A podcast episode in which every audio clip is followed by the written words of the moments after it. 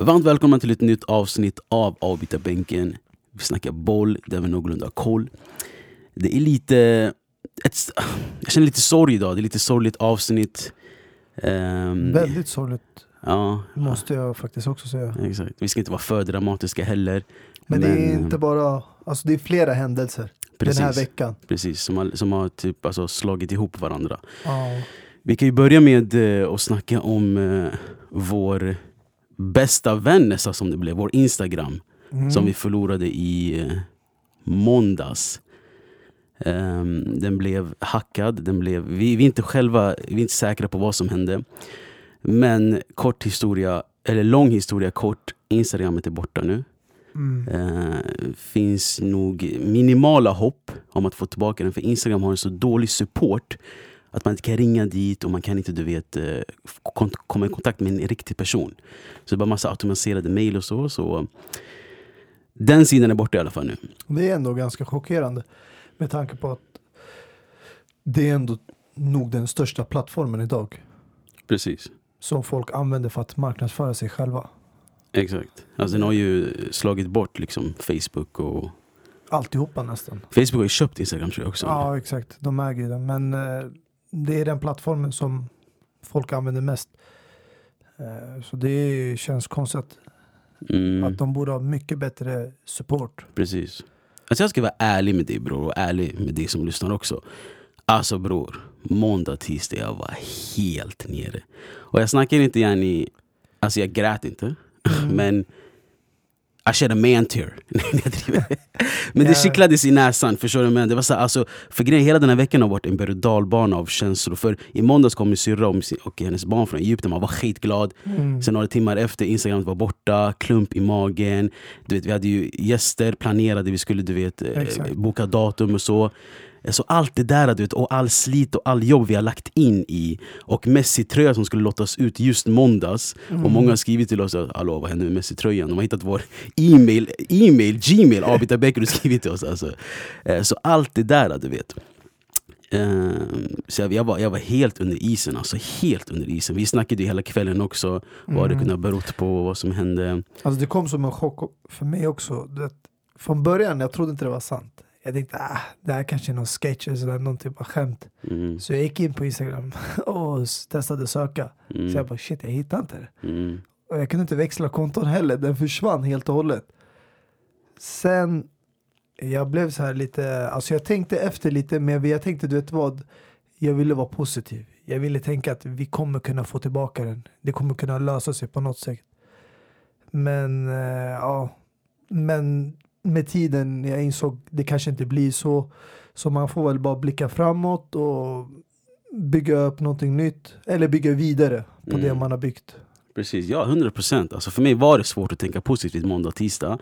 Men sen onsdag fick man ny energi, vi, vi har planerat lite på vad vi ska göra och så. Lite åtgärdsplaner och så. så det, det är grejer på gång i alla fall. Eh, så som du säger, alltså, det är bara att tänka positivt och bara alltså, slå hårdare än någonsin nu. Exakt. Eh, komma tillbaka med en banger.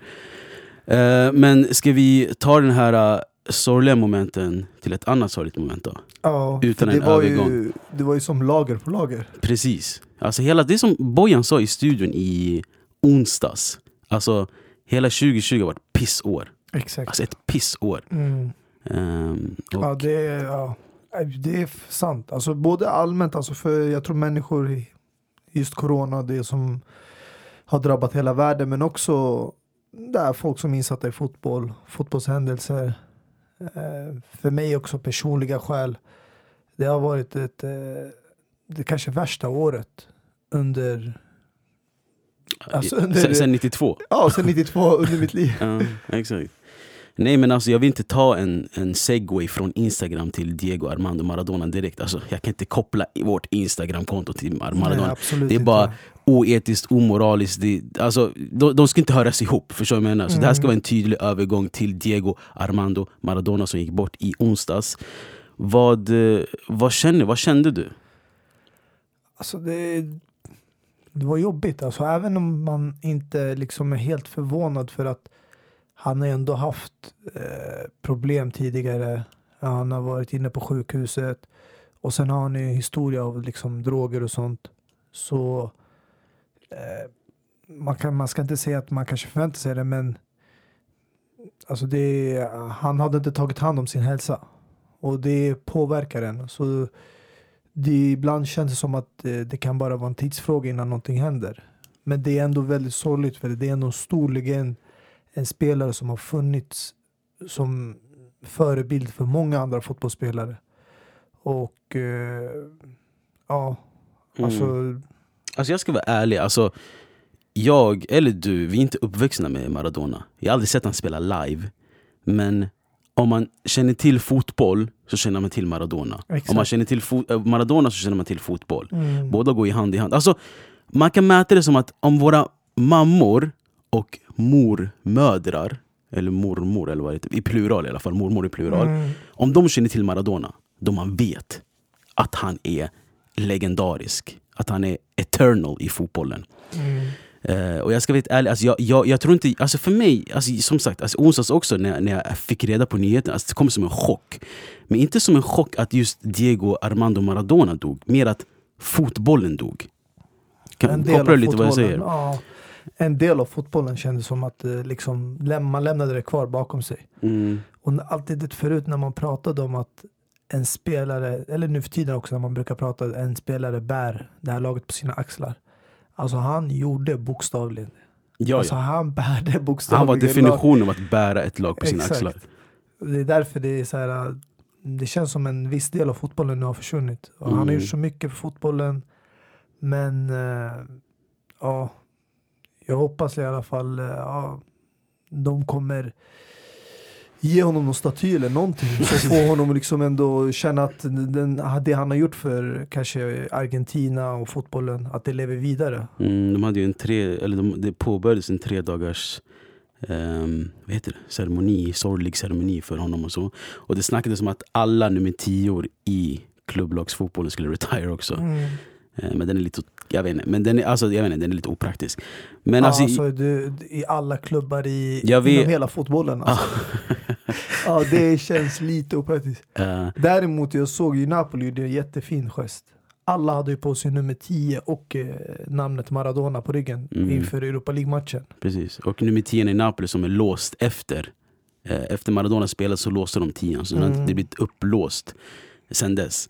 Eh, men jag tänkte på en annan grej också. Jag tänkte på, um, eh, jo, alltså på ett sätt, om man ska ta något gott från det här, eh, det är att hela fotbollen kom, kom tillsammans igen. Det blev United. Alla, du vet, inte Manchester United, men de blev Unite. Eh, vare sig det var Mourinho eller Pep Guardiola, vare sig det var Real Madrid eller Barcelona. Alla pay a tribute to Maradona. Eh, så på något sätt, du vet, fotbollen har också gått igenom massa skit nu. Coronan, den här VAR som har förstört fotbollen, det är också lite delat där. Så när Maradona gick bort, eh, man har inte smält det än, men på ett sätt så, så kom alla tillsammans. Mer eller mindre. Eh, och det var en intressant grej som Guardiola sa på presskonferensen. Du vet, de gick och frå- frågade alla tränare. Så. Eh, som, du- som du var inne på tidigare också, Maradona alltså, han har haft ett knackigt liv och det kom inte som en chock egentligen att han skulle dö. Han var i sjukhus och allting. Men han sa liksom, jag vet inte om det var quote eller någonting, men jag tror inte det var hans Pep Guardiola som sa det. Men det spelar ingen roll vad Maradona gjort i sitt liv. Det spelar roll vad han gjort för andras liv. Och det, det, det summerar Maradona skulle jag säga mer eller mindre. Mm. Eh, Så det, och sen en annan grej också som eh, jag tror Strömberg sa i, i studion, det var att folk snackar hela tiden vem är världens bästa genom tiderna, det är Maradona, Pele, är Messi världens bästa? Alltså skit i allt det där. Ha dem för vad de är och njut. Och sen tycker jag ettan, tvåan, trean, det kommer som en indiv- individuellt till slut. Exakt. Det kommer ner till en individnivå vad man tycker är bäst och inte bäst. Så skit i det där helt enkelt. Det är det jag brukar också tänka i nutid. När många jämför till exempel Cristiano och Messi. Jag tänker, alltså jag har ju min personliga åsikt.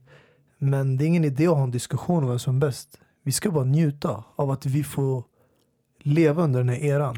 Precis. Och bevittna det som händer Exakt. mellan de här två goatsen. Exakt. Ibland är det kul absolut att jämföra titlar och hit och dit. Mm. Men alltså, vad fan. Ehm, Men tänk dig liksom, om, alltså, det här kommer ändå vara någonting, så som vi har fått höra historier om Maradona, Pelé och de här. Det här är någonting vi kommer kunna också berätta vidare till våra barn och kanske barnbarn. mm, precis. Precis. Om inte corona sätter stopp för det. Nej, Nej, hopefully not. Hopefully not. Eh, jo, på tal om Messi. Skulle det inte vara legendariskt nu? Messi, du vet det snackas om att han ska lämna hit och dit. Mm. Om han gick till Napoli, tog, låste upp tian, vann Serie A med dem. Alltså bror, det där skulle vara the greatest ever som Ja. har hänt på fotboll. Alltså, då, då skulle jag för första gången börja gilla honom. Om han gjorde verkligen ett sånt här steg där han gick till ett lag som allting, liksom, hela skälet är på grund av Maradona och hela historien med honom. Men det är också ett lag som eh, har varit där uppe i toppen och nosat på liksom ligatiteln men aldrig vunnit den sen ja, Mm. Maradonas tid. Så det skulle vara fint att se att Messi går till ett lag som inte är kanske bäst i ligan. Bäst i Europa. Mm. Och tar den där utmaningen. Mm. Precis. Jag skulle verkligen vilja se ett alltså sånt där steg. Men det är svårt att se. För dagens spelare de vill vara omringade av stjärnor. Och det är en del av problemet som har varit i Barcelona idag. Ja, alltså tänk dig, exakt. Men tänk dig Napoli. Jag tycker Napoli i dagsläget är bättre lag än Barcelona. Inget snack Mm. om saken. Men det är, ja, det är frågan då om det skulle vara en ny tränare också som får leda dem. Eller Gattuso som får leda Messi. Det hade varit ännu mer goatiskt alltså att Gattuso leder Messi i Serie A. Scudetto alltså. Ah. Men, Man vet aldrig. Det, är, ja. det kanske inte är omöjligt. Exakt. Det kanske Ja. blir en, eh, ett sånt där eh, en present eller en giveaway han gör. Precis. Och kommer ni ihåg vart ni hörde det här först? I avbytarbänken. Mm. Men avslutningsvis då. Alltså jag tycker bara att då, för mig dog en del av fotboll. Alltså grejen är, vi, ja, vi har ju sett det här med 86 VM när han vann. Vi har sett det här målet eh, med handen mot Mm. England. Eh, allt det där har man ju sett. Och det här soloräden när de jämför med Messi mot Getafe. Allt, vi har ju sett det där. Kommer alltid från kanten, Precis. Och grejen är, han, alltså, han spelade som Messi i 80-talet. Som Messi spelar idag. Kan du fatta hur sjukt det där var? Fotbollen var helt annorlunda då. Mm. Med korta shorts och ingen, du vet allt det där. Att det var Messi där. Och sen tog det paus till Messi kom i början av, eller 2000, när började Messi spela? 4-5 typ. Alltså jag tycker som sagt eh, Messi och Ronaldo, man kan alltid säga att de är en av de bästa genom tiderna. Men de bästa, det är som du säger, i den tiden gräset på plan var inte lika bra. Precis. Kosten, spelarna och liksom allmänt atleterna hade inte lika bra kostschema, lika bra träningsanläggningar.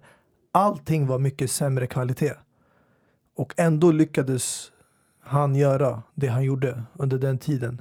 Precis. Så det är därför jag beundrar det mycket mer. För att idag har de alltså, väldigt många saker och ting som hjälper dem. De har en eh, läkare, de har en massage, de har en naprapat, de har en fystränare, de har det här.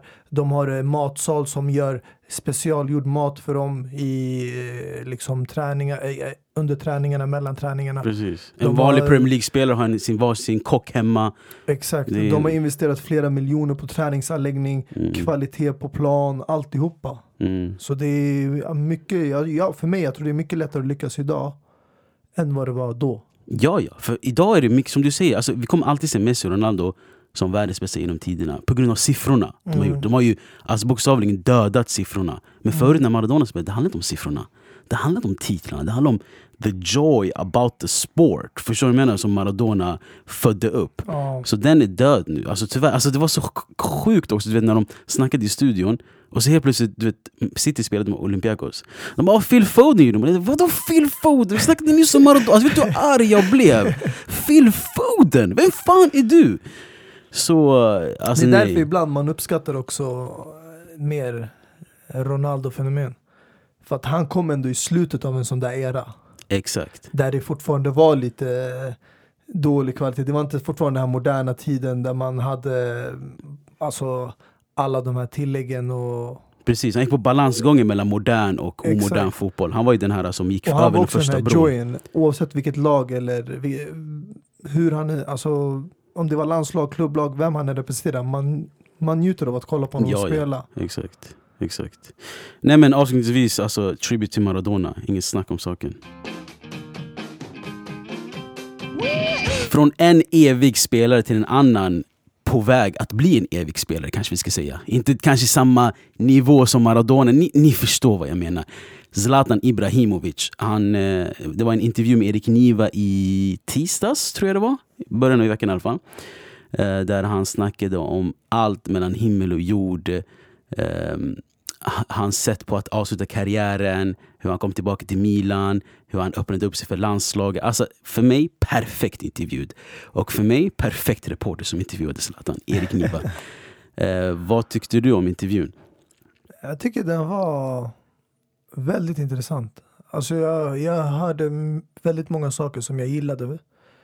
Eh, alltså man märker ju att han, även om han fortfarande har samma personlighet, att han som människa, nu när han har blivit äldre, han är inte lika arrogant. Han är mer ödmjuk, lite mer ärlig. När han pratade om det här hur han har anpassat sig till fotbollen i och med att åldern och kroppen, fysiken inte klarar av det man gjorde för tio år sedan. Det är ju en konst att förändras, att utvecklas som fotbollsspelare. Att anpassa sig till att kroppen blir annorlunda med åren. Och när jag tittar på det idag så kan jag ju säga att visst, det fanns grejer du gjorde för tio år sedan som du inte gör idag. Det finns grejer du gör nu som du inte gjorde för tio år sedan. Och det känns jäkligt konstigt att ens ställa frågan till en 39-åring som gick runt utan knä under ett års tid. Men är du bättre än någonsin? Jag känner mig bra. Jag, jag säger ju alltid att jag, jag blir bättre och bättre och att jag känner mig mer komplett för varje dag som går. Och det, det stämmer exakt som du säger. För tio år sedan var jag en spelare. För fem år sedan var jag en annan spelare. Och eh, de besluten han har valt att ta i livet. Och sen det här hur han ser landslagssituationen. Eh, jag håller med om det. Alltså det är för att mycket av det som har hänt eh, har ju påverkat fotbollen och Sverige. Så jag tror ändå att jag känner att han kom tillbaka av Europa, inte bara av anledningen just det här med Milan och just att jag tror det var också mer fotbollen i helhet. För att när han spelade i Europa och när han spelade i toppfotbollen, han hade alltid mer inflytande på det som hände i Sverige och i fotbollen där. Men när han försvann där och skadade United och sen gick till LA Galaxy då var han liksom borta mm, från mm, den här mm. röran, grytan Precis. och allt alltså, som hände. Alltså helt ärligt, du började med att säga att han är. Jag tror, jag tror aldrig att Zlatan har varit arrogant. Jag tror media har målat upp den här bilden att han är skurken. Ja, du vet, vi kommer ju alltid ihåg de här små intervjuerna han gjorde, du vet han kan kasta några kommentarer och börja skämta med Exakt, Ekberg. reportern. Luktar illa här. Fan vad det luktar illa. Men det har alltid varit hans eh, alltså, personlighet. Jag, har, jag, tycker, alltså, jag tycker inte det är någonting fel. Utan man har det. Det är bara att hur man är på det sättet. Att man använder det som han säger på rätt sätt. Alltså du kan vara på ett sätt mot en viss person. Men det betyder inte att det måste vara så mot alla personer. Det är alltså du, du har sitt, ditt sätt att hantera olika situationer, olika, olika människor, personer. Mm, jag älskade när han sa, när Erik frågade han. Ja, eh, ah, det sägs att du har varit hård mot Rasmus och eh, Oskar Lewicki. Bara? Mm. Mot alla? Nu har det varit den här grejen med att du ska ha varit extra hård mot Rasmus Elm och Oskar Lewicki i några specifika situationer. Bara dem? Mot allihop? Mot allihop är jag den jag är. Sen hård eller snäll, vi är de vi är. Nej men alltså, jag, alltså jag, grejen är, jag, jag håller med dig i mycket du säger. Men eh, det som gör Zlatan, alltså varför de har målat upp Zlatan som skurken och the bad man och att han är, du vet. Alltså Zlatan har varit ett återkommande ämne i den här bänken. Mm. As it should be. Jag tycker vi borde ändå vara den här balans, balsamet i media där de du vet, håller på att kasta skit på Zlatan hyllar vi honom, alltså med all rätt. Han är ju Sveriges bästa fotbollsspelare genom tiderna. Mm. Eh, men alltså jag tycker, eh, alltså han var för osvensk för Sverige. De var inte redo för den här äh, kaxiga och självförtroende killen. Mm. De är vana med, vet du vad? Alltså, ingen får sticka ut här. Vi är ett kollektiv, vi är ett lag. Alltså what the F? Vadå ett kollektiv, ett lag? Ja, fotbollen är elva spelare. Men om en spelare är mycket bättre än de andra. Alltså, det, är så det är bara. Förstår du vad jag menar? Nej, jag håller med. Alltså, jag tycker... Alltså personligheten ska inte spela roll. Hur du är som person Eh, det ska inte täcka för dina kvaliteter. För det som man gör i landslaget eller i fotbollen, det ska baseras på just den delen. Sen hur du är som person, självklart. Du kanske inte kan gå runt och bråka och vara stökig som vissa spelare kanske har varit, som till exempel Balotelli. Att han var en stökig person. Det var inte att man målade upp honom. Utan han hamnade ju oftast i mycket problem och sånt. Men är du skötsam och så, men du har en viss personlighet och du kanske är uppfostrad på ett visst sätt. Jag tycker inte det ska påverka dina chanser i landslaget eller för den delen vara avgörande. Och det bästa exemplet egentligen det är alltså det där som han nämnde om Dejan. Om vi tar Dejan. Jag vet vem Dejan är. Att inte han startar en match. För mig, antingen du kan inte ditt jobb eller du vill inte se hela bilden. Om du tror Dejan är Zlatan, nej. Jag vet vem Dejan är. Dejan han springer för 11 personer. Så om du är Janne och gillar personer som springer för andra, Dejan, han är perfekta exemplaret. Så om du säger nu till mig att detta han passar in, vilket är helt fel. För då vet du inte vem Dejan är. Då har du tagit ut en spelare som du inte vet vem, är, vem det är, då ska han inte vara där ju.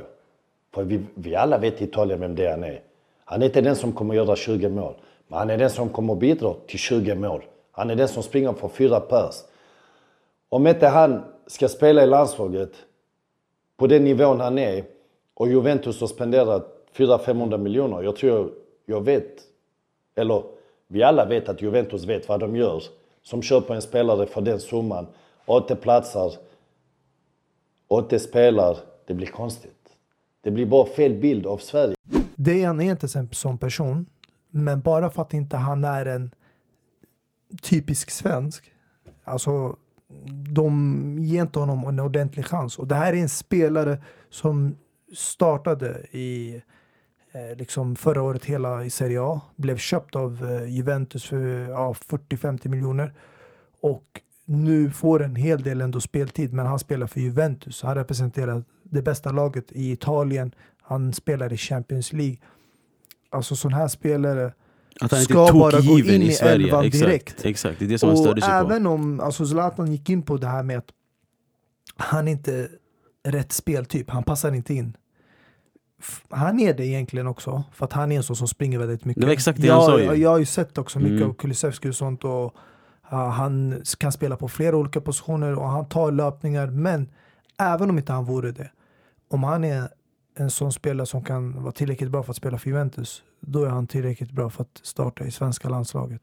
Precis, precis. Och jag, alltså, som sagt, alltså perfekt intervju enligt mig. Perfekt. Och Zlatan, man såg att han förberedde sig för de här frågorna. Han visste att han skulle svara och så. Han hade glömt bort lite svenskan då. Vad var det han sa som, som vi dog av garv? Eh, när han sa så här, um, gula väggen, han bara den här gula um, muren, gula väggen eller vad ni kallar den för.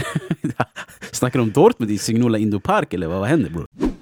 Yes, jag saknar det. För jag vill vara i Friends Arena. Jag vill att det ska vara den gula muren, gula väggen, vad vi kallar den. Eh, och sen sa han en annan grej också, han bara, ah, Han, när var de om, kommer. han snackade om sitt målrekord. Exakt, Han, och han ville se om någon skulle slå det. exakt. Så han var de, eh, jag kommer inte ihåg vad Han bara, bryter den. bryter. Det jag tar med mig det är målrekordet. För det är något som kommer komma ihåg, alla kommer komma ihåg tills någon någon bryter det, vad man säger. Nej men eh, det jag älskade också, jag, jag diskuterade det här med, eh, med Ayman eh, över telefon i, när, efter intervjun.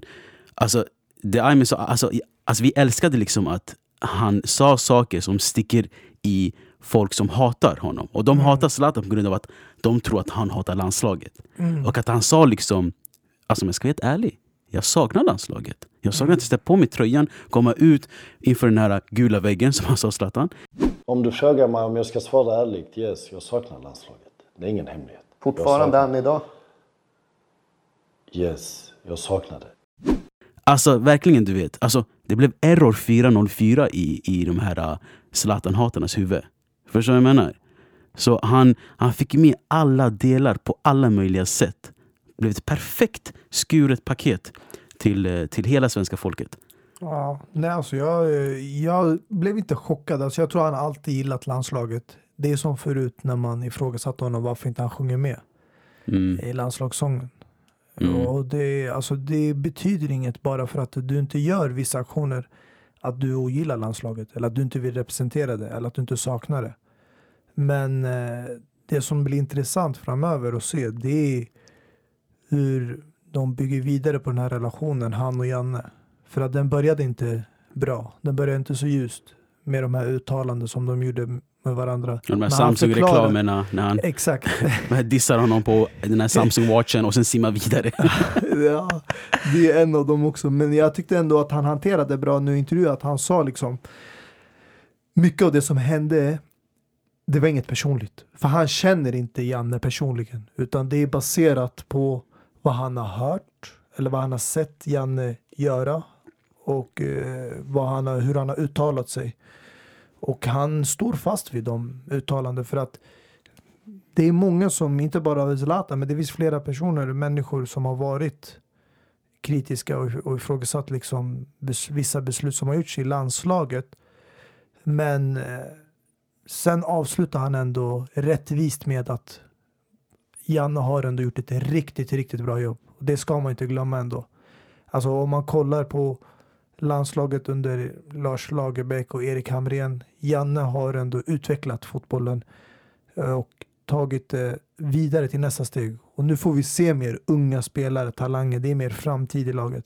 Mm. Eh, vi har ju en lite äldre bock där som är fortfarande fast i den officiella fasen. Men Exakt. jag tror eh, det kommer bli skillnad inför EM-mästerskapet. Men vad tror du då? Alltså, senaste uppgifterna vi läste är att eh, Janne har varit i Milano och de har snackat och han säger liksom De har haft en dialog i alla fall. Mm.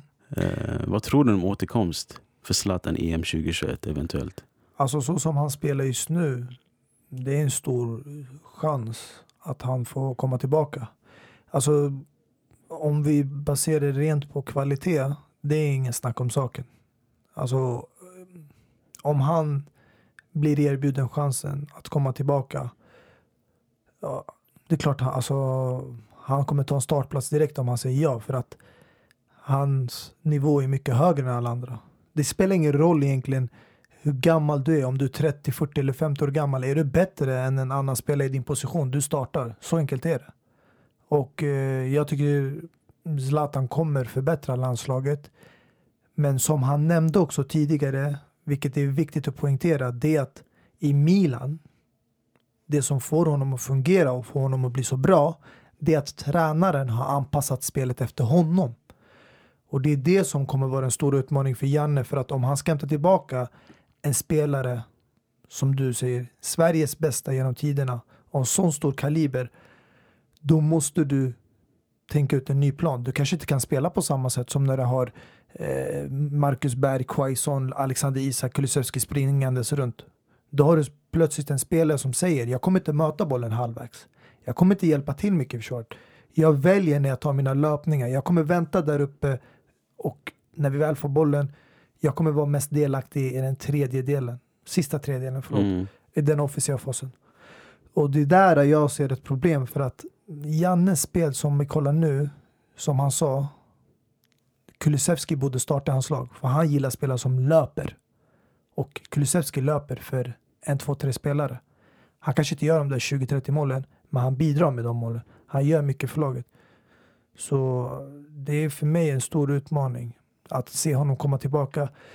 Å andra sidan, alltså, han förtjänar det rent generellt för att han har presterat nu i Milan både under första halvåret och nu i början av säsongen. Han har gjort det riktigt bra i klubblagsnivå och eh, har en, alltså på CV, han ska ju liksom kunna få spela direkt. Men, men, men, kan du förstå folket som säger att Zlatan skulle förstöra det svenska landslaget, det nya Sverige? Alltså på något sätt, skulle du kunna sätta in dig i deras skor och Nej, tänka vilket alltså, argument de har?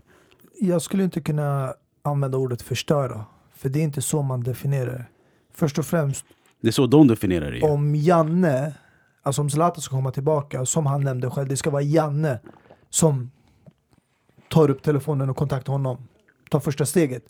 Och när han väl har gjort det, då har han öppnat dörren för Zlatan. Och då har han själv valt att ta den utmaningen att kunna få en spelare som Zlatan att fungera i sitt spel eller börja anpassa spelet efter en spelare som Zlatan. Mm, precis. Så det här hänger allting på Janne. Om det går dåligt nu, vi säger att de åker ut i gruppspel i EM-spelet och Zlatan är med. Det är inte Zlatans fel. Det är Jannes fel. För att Janne tar sina beslut vem han tar ut i truppen. Och om han vill ta med en spelare Zlatan, då måste han hitta en lösning ur hur de spelar för att det ska få fungera med de andra spelarna och Zlatan i laget. Mm. Men jag tycker ändå det här är lite mer på personlig nivå. Jag tycker det är lite taskigt att Zlatan ska få komma tillbaka och vara med. För att det är de här spelarna som har kämpat genom EM-kvalet för att ta laget till EM.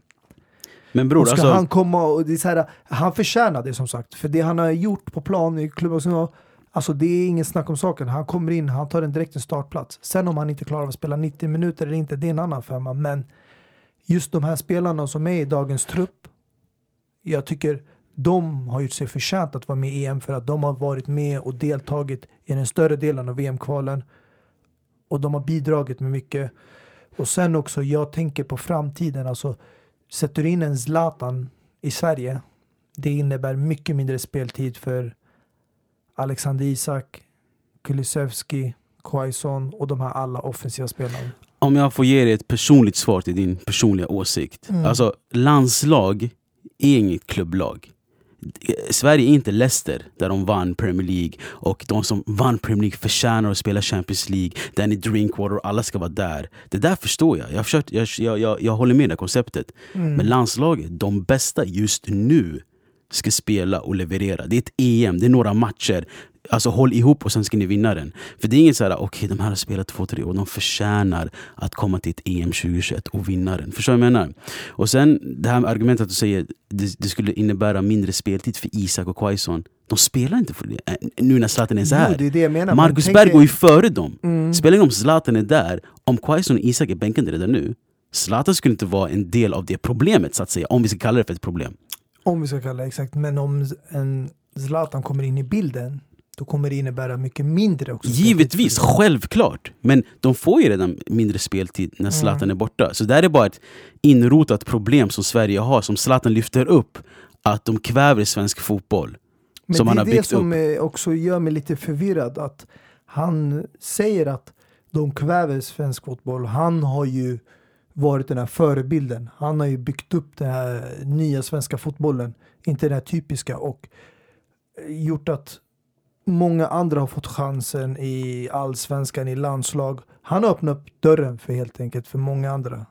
Men sen nämner han att nu känns det som att de, som du säger, kväver de här spelarna, de här som kan förändra och ta svenska fotbollen till en annan nivå, till en ny nivå. Och man börjar stänga de här dörrarna som man har öppnat för de här andra. Mm. Men om du känner sådär, hur kan du gå tillbaka till ett landslag med de känslorna? Men det är det jag Eh, säger. Då, då känns det som att han har en annan agenda. Är det för att han vill vara där och bryta upp de här dörrarna igen? för att eh, släppa igenom allihopa? Eller är han där för att bara bidra och vara med i EM, liksom landslaget? Men det är därför jag säger det här än en gång, det här är en perfekt intervju. För han står fast vid sina åsikter om det här, alla sina Twitter-inlägg och att svensk fotboll kvävs av Janne. Men sen säger han att Janne har gjort ett bra jobb, precis som du sa också.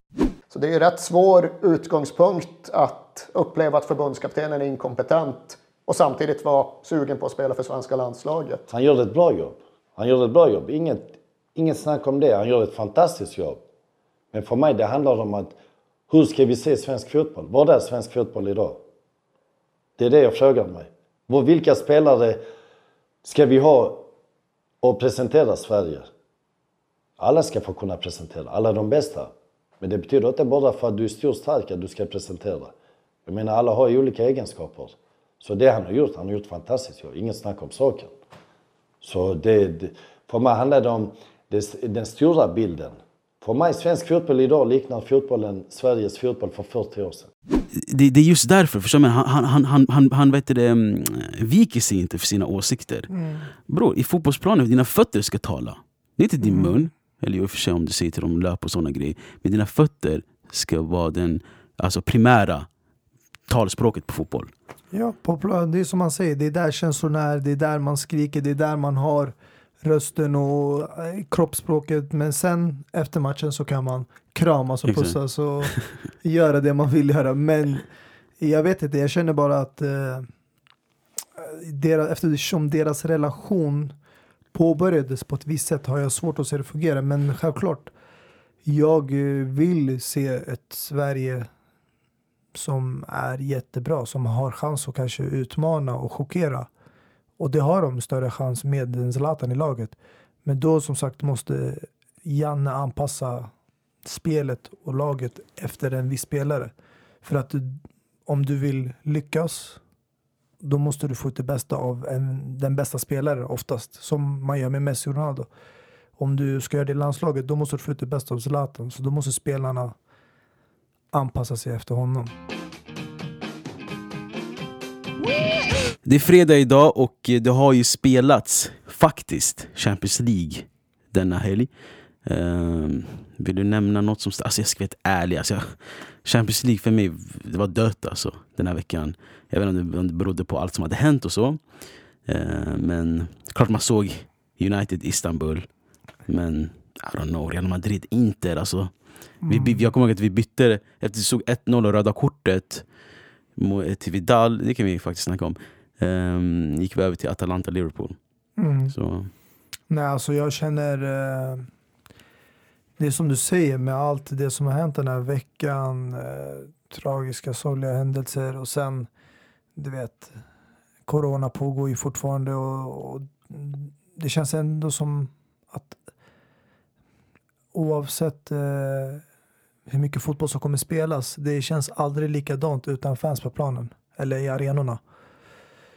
Så det jag tror det är den känslan som också man får utav Champions League, du vet, för den här uh, när de ställer sig där och kommer in på planen genom tunneln.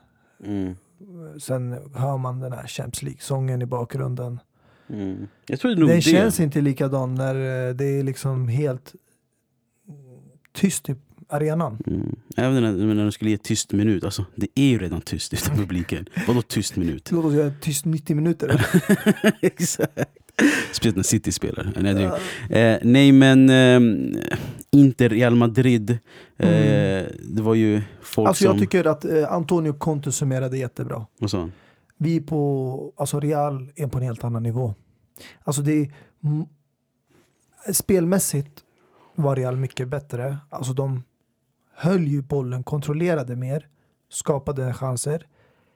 Eh, Inter kändes inte så farligt. Det kändes som att de blev bättre när de hade en man mindre och började skapa lite lägen. Men när det kommer till den här situationen just eh, röda kortet jag kan inte uttrycka mig så mycket för jag vet inte vad han sa specifikt till domaren. Jag märkte bara att han först protesterade över beslutet, att det inte blev straff. Och sen när domaren gav honom gult, då gick han fram och började skrika och höjde rösten. Men eh, som sagt, jag vet inte vad han sa exakt till domaren. Så det där röda kortet kan inte jag uttrycka mig. Men jag tycker inte det var straff. Jag tycker att eh, Varane Alltså Vidal, alltså att Vidal skulle få straff eller att eh, Real Madrid straffen? Real Madrid straff var ju straff. Jo, jo. Eh, nej, utan nej, inte den sekvensen, utan den när Vidal eh, fick rött kort. Mm, mm, Jag mm. tycker inte det var straff för att eh, jag vet inte om det var Carvajal eller Varane som kom där med foten. Men han kom med foten framför hans fot, men han kom åt bollen. Han tog ju bollen först, han fick en touch på bollen. Och sen sparka Vidal lite på hans ben och sen in i gräset. Lite som den här han gjorde Juventus mot Real Madrid. Mm, den. Den där filmningen eh, som inte eh, domaren köpte heller. Eh, det här var inte kanske en direkt filmning, men det var inte heller straff. För att ibland händer det att spelare kommer i sista minuten före en annan spelare som är på väg att skjuta eller passa. Mm. Och då tar de en touch och då råkar den andra spelaren sparka hans fot när han ska passa eller skjuta. Ja, alltså för mig handlade det det är inte inte om... frispark Det handlade, eller straff. ja, det handlade inte för mig om det var straff eller inte, hur det var straff eller inte. För mig var det, domaren var bara hjärndöd. Jag ska vara helt ärlig. Okej, ge han gult kort. Men du vet, när du ger en spelare ett gult kort, han har det finns en oskriven regel i fotboll. Han har några sekunder till att skrika och bli arg ännu mer. Han har redan fått ett gult kort. Förstår du vad jag menar? Men den här Shordan, han drar upp gul- gula kortet några sekunder efter. Det Den där var hjärndött. Den här så kallade shooten som du pratar, om, Anthony Taylor. Ja. Alltså han är ju känd, för jag vet ju vem det är för att han är från Premier League Och jag håller med dig. Jag har kritiserat honom flera gånger. Eh, jag tycker att han är en dålig eh, alltså, domare när det kommer till stora avgörande matcher. Stor topplag som möter varandra. Han fick döma både fa Cup-finalen 2017 och nu senast 2020. Båda var Chelsea-Arsenal, samma lag i finalerna.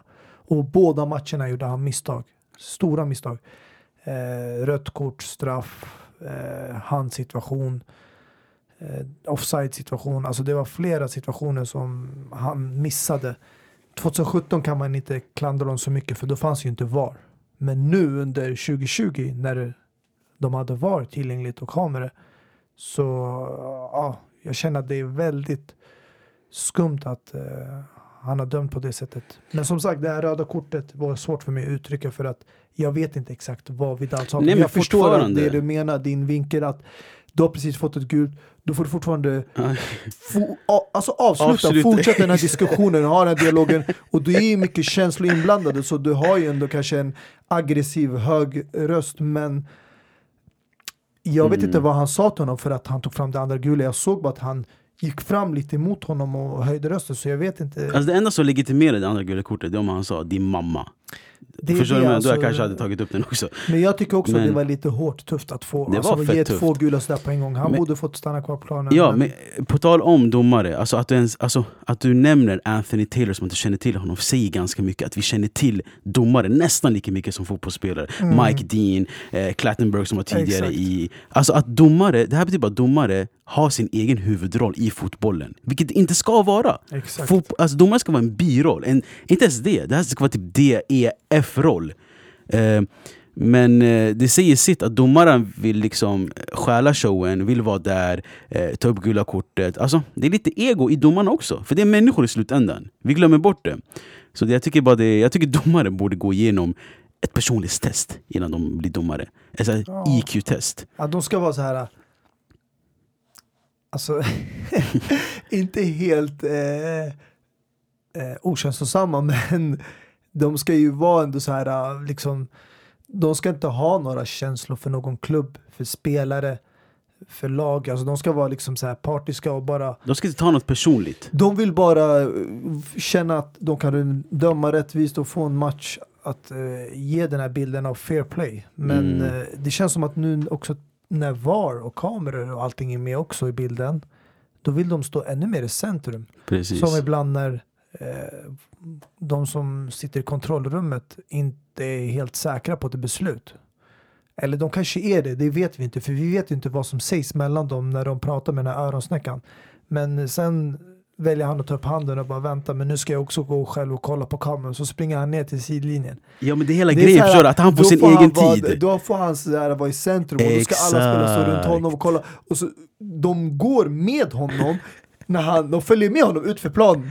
Som att de ska bära honom på en båt. Och så står de där utanför och kollar bakom hans rygg och bara okej okay, vet du vad, jag ser samma skärm som du ser. Kommer inte ihåg när Morata nu senast, jag tror det var match, där han gick. eh, Jag Det var tror, Suarez. Det var Suarez, förlåt. Exakt. Inte Morata. Jag tänkte Morata för att han spelade Ja, Atletico Madrid. Exakt. Han gick fram Det finns ju en ruta också så där. fick man han krä- gult kort för att han ställde sig precis bakom honom. Så han tänkte, visst det er? Då, jag har sett vad du har sett. Men det finns ju en technical area precis som de, tränarna har för domarna också i Ja. VAR. Ja just det, de här små linjerna för Exakt, boxen. exakt. Så Ja. han stod utanför. Det väl, Men det är det som ju, det blir så här, ja, du vet, för att man märker också hur mycket spelarna eh, lägger ner också energi på att påverka en domares beslut. ja men Där det precis. så här allvarliga händelser. Exakt. Ja ja, alltså grejen är domarna bör gå, i, gå till MTR, personlighetstesten och gå igenom dem. De är järn, jag ska säga till dem. Jag tror man söker jobb till NASA om man har sikter. Men hur som helst, var det några andra matcher som stack ut? Kanske United 4-1 där Bruno Fernandes kunde gjort hattrick men gav straffen till Rashford istället. Det är en tradition vi håller på med nu till exempel. Det var samma sak när Rashford kunde gjort hattrick mot Leipzig när han kom in. Gav den till Martial för att han ska komma in i målprotokollet och sen gjorde hattrick igen. Samma sak med Lukaku mot PSG, bortamatchen. Alltså- ja, det är en tradition vi har. Vi, vi har. Alltså jag tycker inte någonting specifikt stack ut. jag tycker det var som du sa, en, eh, på grund av händelsen som har skett, det blev en så här lite lugn och avdankad Champions League-vecka. Men Mm. eh, det som får mig att känna lite mer sorg inför nu januari. Det är alltså den här spelaren Olivier Giroud. Alltså vilken spelare. Du vet att han kommer ju lämna nu i januari. Alltså det är mer eller mindre klart på grund av Deschamps har ju sagt det. Ja. Deschamps har ju satt press på honom från landslaget och han måste spela mer regelbundet om han ska ha en plats i EM-mästerskapet. Och sen vet vi nu med värvningar som Chelsea har gjort att hans chanser har minimerats eh, ganska mycket. Så att se honom komma in och göra en sån här prestation det får en att bara tänka om och inse hur underskattad den här killen är som en spelare. Alltså vart än han har spelat eh, Chelsea, Arsenal, franska landslaget. Han har alltid presterat. Även om han får spela 90 minuter eller om han får bara spela in, komma in sista 10, 20, Mm. 30 minuterna. Han gör det alltid bra. Och hans mentalitet, det är som Zlatan pratade om tidigare förut, alltid, att allting sitter i huvudet. Det är så jag känner när jag kollar också på Giroud. Hans mentalitet, han är inte någon som viker sig eller bryter ner bara för att han inte får som han vill. Mm. Den Men- där nivån av professionalitet, det är en sån nivå man måste ha om man ska verkligen lyckas. Ja men det görs inte sån profession- prof- professionalitet längre. Alltså bokstavligen, allt sitter i huvudet för Giroud kanske. Jag hade en diskussion med en grabb till mig. Är Giroud världens bästa huvudspelare? Alltså det här målet han gjorde för Rennes, när han var omringad av fyra spelare och, mot Rennes. Och sen matchen mot Sverige, Mm. när han hade Lindelöf och Danielsson var det väl, Ja. i sina två bakfickor. Alltså, är han världens bästa huvudspelare just nu? Och sen, och sen tänkte jag, jag var helt övertygad om att Giroud var det. Sen såg jag Napoli-Milan, när Zlatan gjorde Koulibaly till en eh, liten Men skolpojke. det där är en annan sekvens för att det där målet, han är inte i närkamp med själva försvararen. Han hoppar inte i en Vem? duell. Zlatan. Där löper han smart, rätt, men om jag ska vara helt ärlig, jag tycker det var Eh, jag är väldigt kritisk till Koulibalys försvarsspel. För en spelare av den kalibern, den nivån, jag har alltid höjt Koulibaly till skyarna för att jag värderar honom som en av världens bästa mittbackarna. Eh, jag brukade till och med sätta honom i en, samma kategori som Van Dijk ibland, eh, när man jämför de bästa mittbackarna. Att han inte ser den där löpningen, det är väldigt dåligt av honom. Han ska ju följa med där eh, som försvarare och du vet som de brukar säga, ha ögonen i nacken. Att man ska vara med på vart din motståndare är, hans rörelser. Bakom dig kommer han ta en löpning bakom ryggen, framför dig. Han hängde inte alls med där. Men den där nicken som du nämnde, den är annorlunda. För där har han ingen spelare i en duell där han måste hålla emot, hoppa högt. Exakt. Utan han springer bara framför Koulibaly och ingen liksom hoppar in i honom och han nickar den. Sen är det Ja, det är två kraftig, olika mål, ja. fin nick. Ja, det är två Men olika de mål. här äh, målen som Giroud gör, det är liksom två, en eller två spelare som hoppar och bara upp och klänger i honom. Och då måste han verkligen liksom med kroppen vinna fysiken och sen nicka och få till en träff samtidigt som går mot mål. Och det sjuka var ju att jag trodde inte det skulle bli mål när jag såg den in real time. För att jag såg ju hur Rennes-spelarna försvar, alltså eh, Han spelarna, var omringad basically. Nej, inte bara det också. Spelarna, försvaret, hur de började rada upp sig bakom målvakten som räddade Timo Werners skott. Så det stod ju typ en eller två spelare som började vid mållinjen. Så jag tänkte, men de kommer ju bara blockera, nicka eller... Men hans nick var så kraftfull att den killen som försökte stoppa det med nicken, det gick in i mål. Exakt. Så jag bara shit, jag blev chockad att det ens blev mål. Jag, Men eh, min återkommande fråga är, är han världens bästa huvudspelare just nu? Jag vet att det är en svår fråga att svara just på volley nu, men... jag skulle säga ja. Men genom tiderna, nej det är Nej svårt inte genom att säga. tiden, det är svårt Alltså, att säga men just nu 2020 yani. Nej, just nu, ja, det, jag skulle säga det är han. Om Luca Toni har lagt skorna på hyllan. Nej för mig grejen alltså Zlatan, jag kommer ihåg en intervju när han sa back in the days eh, Om jag hittar den så kommer jag lägga upp den nu här Om inte så fortsätter jag prata Mm. Men när han sa liksom eh, De frågar han eh, Vad vill du förbättra i ditt spel? Mm. Eller vad, du, vad vill du förbättra? Dig själv, allt Mm. eh, Då sa han vadå, i fotbollen? Han bara, intervjuade man i allt, han var huvudspelet Så redan då han visste ju att han var dålig Så jag vet inte, han kanske har förbättrat sitt huvudspel rejält Jag tror också det. eh, Jag var en av dem som eh, Kritiserade hans huvudspel kritiserade hans huvudspel. Mm. För jag, jag tänkte alltid att han är 1,94, vad är det? Han är sådär lång. Så jag, när jag ser en spel som är sådär stor så förväntar jag mig alltid att en av hans stora fördelar ska vara huvudspel. Men det var ju en av hans nackdelar. Och han har faktiskt förbättrat det eh, ganska mycket. Det såg jag både i United, det var där förbättringen kom innan. Och sen när det gäller Galaxy och nu Milan. Ja, mer, mer också att han, huvudspelet är något du kan alltid falla tillbaka på. Mm. lite, det, det beror inte på hur gammal du blir, eller ju, spänsterna och du måste hoppa. Men du behöver inte vara snabb. Den fysiken du har, har du ju. Förstår du vad jag menar? Så huvudspel är en jättebra egenskap att falla tillbaka på när du blir gammal. Så jag, tror Zlatan tänker smart mest också. Alltså, avgörande. Den Oh, ja. största faktorn, det är tajmingen. Mm. När du väljer hoppa, för det handlar om att läsa ett inlägg, en boll som är uppe i luften, som kommer. Timingen är allt för mig. Och jag tror det är det, alltså den bästa i världen egentligen är Cristiano Ronaldo. När det kommer till timing. Exakt, Han tajmar Ronaldo. inläggen. Men Exakt. sen är det för att han kan stanna uppe i luften så länge kanske också. Han har ju små raketer i skorna. Så Air Cristiano. Ja, nej men Eh. det är timingen som ja, är mest avgörande. Ja exakt. Nej men en annan huvudspelare också som inte har längden med sig. Och en av, skulle jag ranka en av världens bästa i Premier League i alla fall. Eh, Tim Cahill. Mm. Som alltid hoppade och nickade. Och han är inte så speciellt lång heller. Så som, som du Nej. säger stärker det argument ännu mer att det är tajmingen som är A och O i Exakt. huvudspelet. Eh, Men så där ja, ska vi ta och avrunda det här avsnittet. Det är fredag som sagt, vi har redan matcher att se fram emot imorgon redan. Eh, eller egentligen de bästa matcherna är väl på söndag.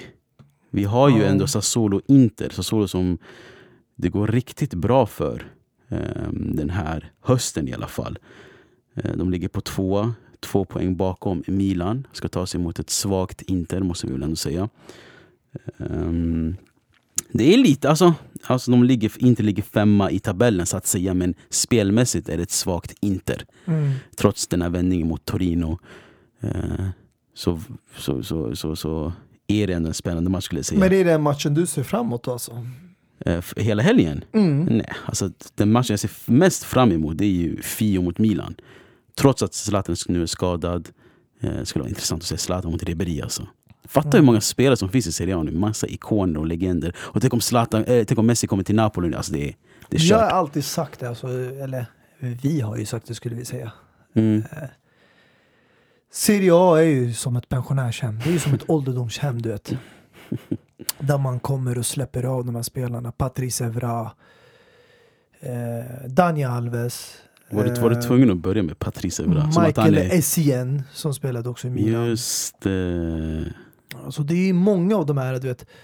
Det blir ju så. Alltså, du kommer där och eh, Pedro nu i sina sista år som gör det har bra i Roma. chansen. Ja, du, du, alltså det är ju det. Serie A, som vi har alltid sagt, de är kända för den taktiska delen. Men det är ett annat ämne. Det är, nu kommer vi gå in på Mm, en precis. helt annan dag. Precis, vi håller på att knyta upp säcken nu. Nu håller vi på att öppna upp säcken. Jag tänker, vad händer? Exakt. Nej, men eh, matchen jag ser fram emot självklart, det är ju inte för att jag är bara Chelsea-fan, men det är ju Chelsea-Tottenham just för att eh, det är Mourinhos återkomst. Eh, I en Londonklubb. det är inte första gången Mourinho och Lampard möts, utan de möttes ju tidigare förra året också i ligan och eh, Men det här är ju liksom en hel säsong. Det här är Mourinhos första år med Tottenham kan man säga. Exakt, men det är för att just det går så bra för Tottenham och eh, de leder ligan nu. Det är det som gör matchen så intressant. Och Lampard har, känns det i alla fall personligen för mig, eh, vissa säger att de inte är övertygade om Chelseas spel och så och tränar. Men jag känner att han har börjat få igång det här laget och få dem att verkligen börja spela med varandra. Eh, Så det kommer bli en väldigt bra match. Den stora nyheten för Chelsea är att Tobi Alderweireld är skadad och missar matchen. Så det skapar ju ännu större chanser för att Chelsea tar hem det här. Och eh, det är någonting jag kommer verkligen... Alltså, Mm. där kommer jag ha ögonen på den tv-skärmen i Precis. 90 minuter. Om jag får fylla på söndagsmatch, som sagt Chelsea-Tottenham spelar på söndag. Vi har Arsenal-Wolverhampton som är en bra match. Eh, och i, i ta, eller, Real Sociedad, vi har Real i Spanien också, men i Italien är det bra matcher. Milan-Fiorentina och sen på kvällen avrunda med, med Napoli-Roma. Mm. Eh, så den är fin. Men jag tänker på, uh, jag ville bara nämna en kort grej om uh, Champions League onsdag, snabbt bara. Uh, det är bara. Vi måste ju nämna Braithwaite som är två mål straff. Mm. När, när Messi är borta så är han där, nummer nian, som var på väg att ta tio när Messi skulle lämna. älskar Braithwaite, jag älskar honom. Var i Middlesbrough för något år sedan bara. Och sen eh, Immobiles mål. Det var, helgen, det var alltså Champions League snyggaste den här ja, veckan. Mottagningen, vändningen och sen skottet i krysset. Från ingenstans, exakt. Det är klassiskt mål av honom. Precis. Det, han slutar ju aldrig liksom. Och förvåna oss. Ja, precis. Men ska vi avsluta det här fredagsavsnittet? Vi kan ju ta med oss att Maradona är evig, Zlatan är evig i Sverige och avbytarbänken är evig i podcastvärlden. Trots att vår Instagram är borta. Mm. Eh, som sagt, vi kommer med Eh, vi uppdaterar hur det blir, vi har idéer på gång. Oroa inte om Messi-tröjan. Den ska, vinnaren kommer få den. Ingen av oss har på sig den, den ska ta den. Vi är inga Messi-fans eller Barca-fans. Så oroa inte er. Vi har fortfarande Messi-tröjan. Den ska låtas ut som vanligt. Vi har fler giveaways att komma med. Så stay tuned. Det här kommer bli avbytarbänken 2.0. Hörs vi? Just the beginning. Exakt. Vill bara släppa allt som tynger mig. Fuck alla de som ringer mig och om de inte vill dansa Koppla bort våran tillvaro, släppa sorgerna till baskon Glömma bort allting och bara dansa. Musiken är vår trognaste vän Så vi gör horus med den, checka moveselen Har den i blodet sen? Det blir bor igen Så normal, vi fortsätter dansa. Barn börjar dansa innan första vokalen yeah. Innan go-go gaga. Och vi fortsätter tills Aina tar över haket yeah. Tills nissarna gör razzia Svart klubb, det massa rök i lokalen yeah. Fine grades, klar alla dricker som Valhalla, mjöd i glasen yeah. Plus rom och vodka uh. man är farligt galet, kombinationer av toner som gör det magiskt Inte misslyckat uppdrag men vi rör oss tillbaka Sen labba-babba, karnevalen tar över stan Om du är mamma eller pappa på din lediga dag Höj upp musiken, gör som jag, dansa så här Om du är riktigt hård grabben, sån som aldrig ler